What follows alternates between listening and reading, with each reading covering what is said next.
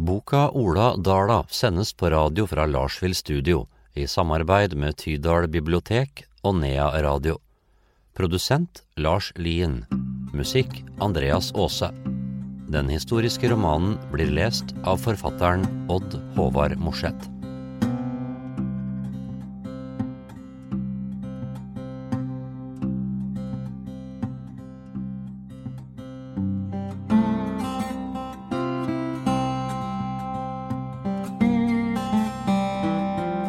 Andre kapittel. Det er august 1818. Mor. Det her er langt fra første møte mellom Jon og Ola. Første møte med Jon var på turen med mor Anna til barndomshjemmet hennes ved Meslingen. Ole Nordberg ble han kjent med som voksen. Mor og han hadde gått den første biten innover Dalslia, over Håvollen og inn i Mørsedalen i klart augustvær. Det var da de begynte på det karrige landskapet og den smale stien under firkantkista han hadde spurt første gangen. Er det langt att? To dager og to netter om været holder og Vårherre vil, hadde mor svart. Det var som tolvåring han skjønte at verden var så mye større enn Stugedalen. Den verden han fikk møte på denne turen gjennom fjellandskapet, var et av hans rikeste minner fra barndommen. Fossene nedfor stien ved Djuphålet, eller helvete som han hadde hørt folk nede i bygda kalle de stupbratte fjellveggene som skar seg inn i det flate landskapet, det var spennende. De gikk etter grushyger der bekker snodde seg over grønne sletter under dem. Mot kvelden nådde de Vigersjøen og Finnegamma på sletta under Vigelfjellet. Det vart de tok eh, første natta der. Samene i Grøndalen gjette helt inn hit, på det som var norsk mark. På den tiden var det praktisk deling av lappmark i grensetraktene. Reinen og lappene fulgte årstidene gjennom landskapet, uavhengig av landegrenser. De var på sommermark med reinen. Da de kom, holdt to kvinner på med å vaske sil og mjølkekagger nede i bekken. Oppe ved Gamma satt en gammel mann som reiste seg opp etter staven da de nærmet seg. En pjuskete bart og noen grå skjeggstrå vokste i det brune, markerte ansiktet. Han løftet på den runde skinnlua og hilste, han het Thomas. Ut fra Gamma kom det også en eldre dame. Det lange håret hang i to grå fletter over skuldrene. Hun var så liten at Ola for første gang kunne stå ansikt til ansikt med et voksent menneske. Fire unger, som alle var yngre enn Ola, sto litt beskjedent og så på dem en stund, før de fortsatte leken oppover i bakkene. En kjørerein sto tjoret ved gamma, der ei slepe var reist opp etter den gresskledde veggen. Snart hørte de hundeglam ute ved sjøen, og noen simler med kalver kom mot dem. Den ene hadde bjelle hengende i en bred klave rundt nakken. Thomas fikk det travelt med å gi beskjed. Det ble slutt på leken oppe i bakkene. Etter hvert dukket det opp tre gjetere. To av dem sprang lettbent mellom store steiner oppe under Vigelfjellet. Det ble etter hvert en stor flokk med rein inne på sletta. Kalver og simler ble jaget inn i et kve. Ungene deltok med å sette sperre for rein, slik at eh, dyrene ble holdt samlet. Med et enkelt gjerde av sildekratt og einer holdt de simlene med kalvene sine der for natta. Kalvene ble fanget, og ungene var med på å feste pinner i munnen på dem slik at de ikke kunne suge mjølk av mora gjennom natta. Simlene skulle mjølkes neste morgen. Det virket som om mor var kjent med lappene. Gjennom oppveksten hadde han merket at språket mor snakket var fremmed, men nå ble det snakket med ord og vendinger han aldri hadde hørt før, et språk han ikke kjente. De fikk kokt reinkjøtt ved bålet om kvelden. En av kvinnene løftet bort et lag med torv og hentet den varme gryta rett ut av bakken. Ola hadde aldri sett ei kokegrop før. De gnagde kjøttet av alle bein og auste opp kjøttkrafta fra gryta med koksene sine og drakk. Det var kraftig næring til en sliten guttekropp. Ola dro på seg saueskinnsvesten over ullgenseren som mor hadde strikket og la seg på ryggen. Månen kom sakte stigende opp bak kammen av Vigelfjellet og laget et sølvflor utover den vindstille sjøen. Tiden sto stille, og ble til et minne. Et minne om mor, om fred, om tilhørighet. Han sovnet på rennskinnet under en stigende måne. Han våknet i natta og kjente armen til mor ligge over brystet. Månen var borte. Det var lenge siden han hadde sovet sammen med mor. Det var Anne som alltid hadde tatt over nærheten til mor, helt fra hun ble født. Oppkalt som hun var etter moren. Nå var hun fem år og Halvor tre. Halvor var en stille gutt som ikke gjorde så mye av seg.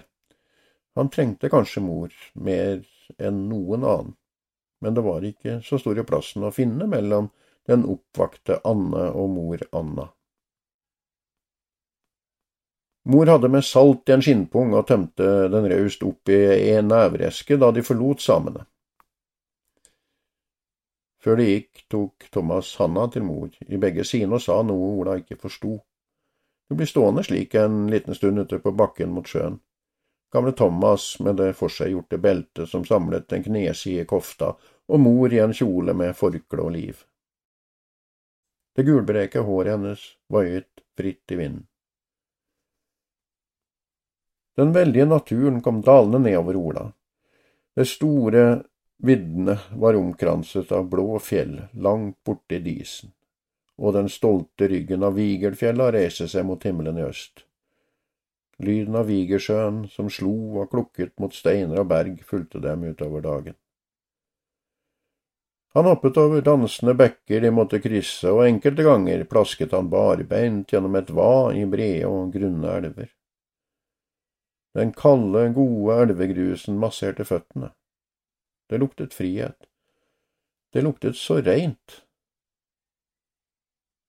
De ble fulgt av fuglesang, kjerr og lyng, mens rakka-kakka-ka fra rypsteggen varslet deres ankomst. Heilorpene ute på myrene fulgte dem fra tue til tue over bakkekammer. Han hørte traneskrik inne ved bjørneggen og så ørna som seilte ut fra fjellveggen med tverre vinger. Vingefjærene stakk ut som fingre i den kalde høstlufta. Det var så mange historier han hadde hørt om en verden som lå ute i disen en plass, langt bakenfor fjellene. Om krig, for det meste, og Danmark som tapte Norge etter den store krigen. Nå var det Sverige sin tur til å ha regent i Norge. Men danskekongen hadde ikke gitt seg uten kamp, og hadde forsøkt å ta Norge tilbake. Han husker da det nordenfjelske skiløperkompaniet marsjerte seg opp på Dala og tok tilhold på de to gårdene ved skansene. Det var varslet krig. Soldatene i de røde, lange jakkene skulle vokte ferdselsvegen fra øst og sør. De satte ut vakter, bygde opp den store laftekassa på Vektarhaugan og fylte den med brenneved. Vektarhaugen ligger høyt og fritt til ved vandringsleden som kommer østfra gjennom Skardøra. Derfra er det også god utsikt til Herjedalsvegen innover Dalslia, den veien han og mor fulgte. Kom svenskene, skulle det varsles med vardebrenning innover landet, mot Røros og mot Trondheim. Nede på skansene skulle soldatene gå i krigsberedskap og befeste skansene. Soldatene hadde plassert en kanonlavett bak storskansen og øvde på angrep og retrett mellom de tre skansene. Beltene med de lange sverdslirene og de avskrekkende geværene med bajonetter påmontert hadde gjort et sterkt inntrykk på Ola. Det han husket aller best, var de kraftige smellene da de prøveskjøt geværene, Høye pipetoner hadde danset inni hodet hans lenge etterpå. Det ble aldri noen krig på skansene. Etterpå gikk det rykter om at danskekongen hadde vært en livredd stakkar. Han hadde gitt opp Norge uten å kjempe som en mann. Norge hadde fått ny svensk regent, Karl Johan. Ola trodde folk var fornøyd med det.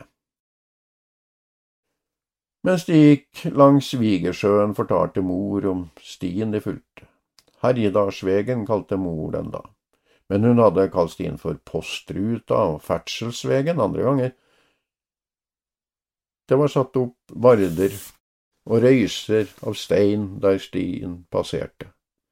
Hardvokste, tynne staker av gran var også satt ned som en linje gjennom det åpne fjellterrenget. Vintervaring, fortalte mor. Lenge før mor og far var født, ja, lenge før den store pesten herjet landet, fantes denne vegen. Det var her de gamle kongene kom ridende. Pilegrimene skulle til Nidarosdomen. Mange som har ferdsels her med handel mellom Sverige og Trøndelag med hester og tung kløv, har kommet denne vegen. Ja, all slags folk med all slags virke har gått her så lenge det har vært folk i landet fortalte mor. Hun fortalte om hvordan denne veien, som til slutt nådde Trondheim, fortsatte sørover gjennom Herjedalen og nedover langs Justnan til Hede, videre til Mora og derfra til Lund, og biskopsetet som hadde hatt så stor makt før i tiden. Men når det kommer til Lund, sa mor med et smil og rusket Ola i håret, da er det slutt på Sverige. Derfra fører alle veger til Rom. Mor svingte seg rundt og tok noen dansetrinn på det blangskurte berget de passerte nede ved sjøen. Hun var så glad den tida Ola var liten. Hun likte å synge, men som oftest gikk hun rundt og nynnet på noen strofer mens hun arbeidet. Hun fortalte om bestefaren sin, som egentlig var norsk og kom fra Halvorsgarden i Tydalen det eneste han hadde berget fra gården når kong Kariolius kom med sin hær til Tydalen for hundre år siden, var fela. De hadde herjet og plyndret, slaktet og stjålet, mens general Armfeldt bare hadde stått der og sett på. Det var knapt husdyr igjen i bygda etter raseringene. De ble slaktet ned for fota av et utsultet felttog på retrett.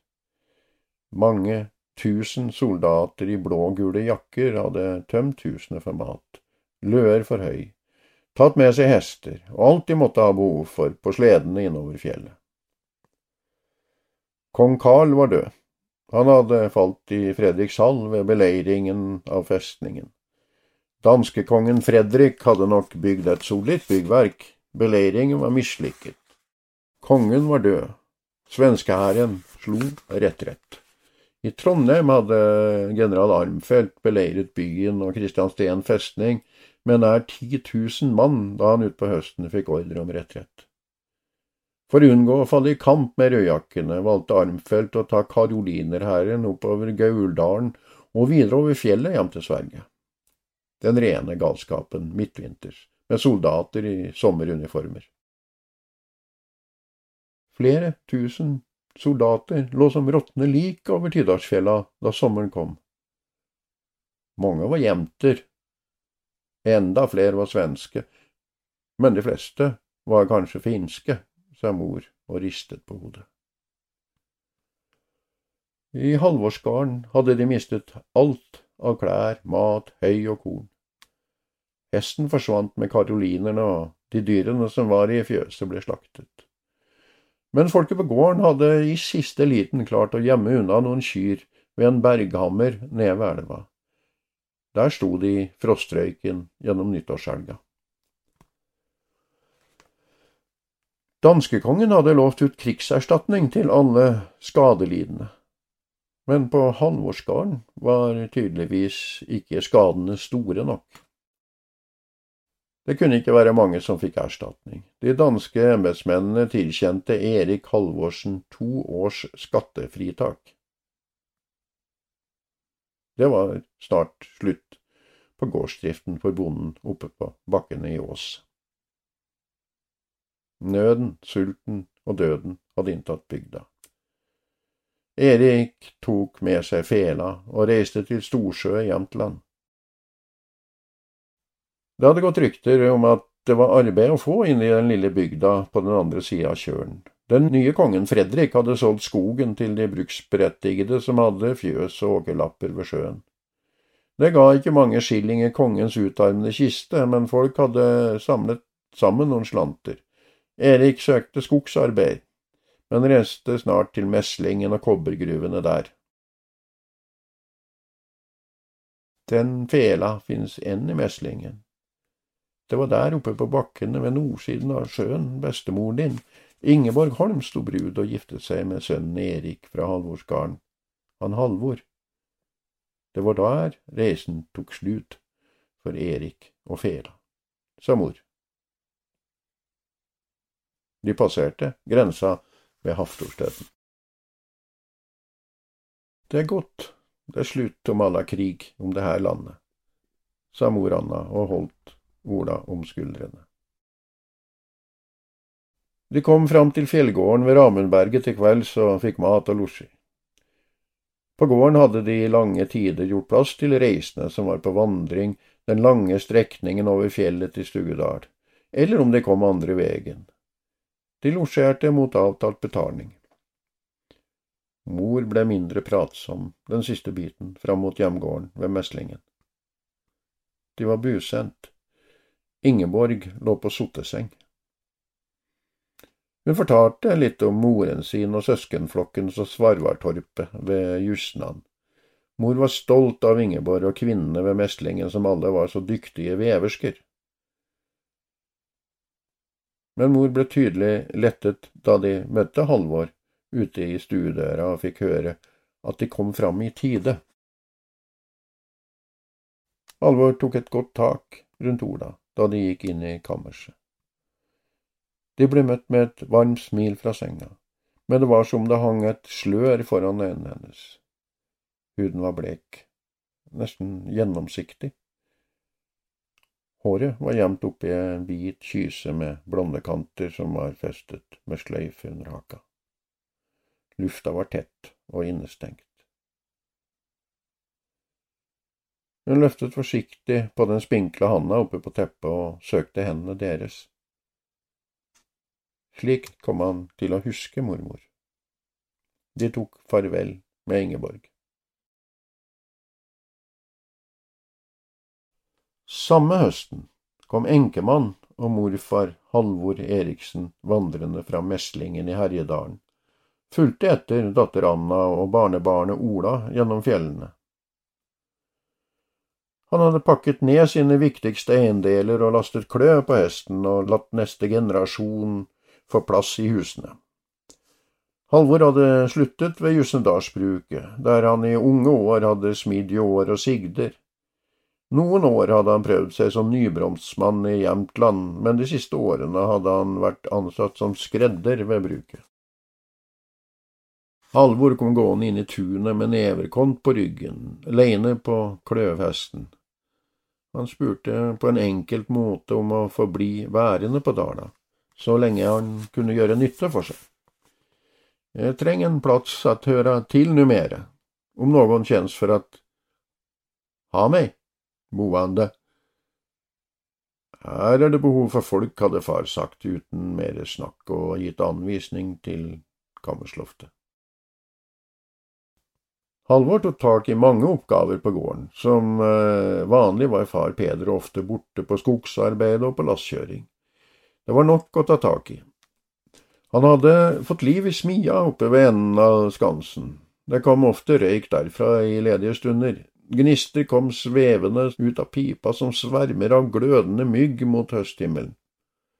Redskapene på gården fikk en god overhaling, og nye ble laget av emner han hadde hatt med i kløven. Halvor smidde, filte og herdet stål oppe i smia, og Ola ble ofte kommandert bort til smieveggen for å dra slipesteinen. Det kom sigende en underlig, blålig røyk når Halvor herdet stål og fjærer. Ola likte den gode, fremmede lukta av dampende olje. Utpå høsten satte Halvor inn en ny dørlås i den doble inngangsdøra. Den hadde de mest underfundige mekanismer for stenging og låsing med stålfjærer og returslag. Nøkkelen kunne gjøre stas på et hvilket som helst jordegods. Nøkkelen ble stående i døra. Det var ingen på Dala som hadde noen tanker om å bruke den til å låse. Det er Røros, onsdag 16. april 1862. Olle skraper til seg spyttebakken med foten, sender en lang, brun stråle i det svarte indre, setter ut foten og dytter den fram på gulvet igjen. Vertshuset mangler snart sitteplasser, og den tette lufta i rommet henger som lim i uvasket hår og tjafsete skjegg. Sur mannesvette i falmede lerretskjorter bærer bud om en trivelig kveld.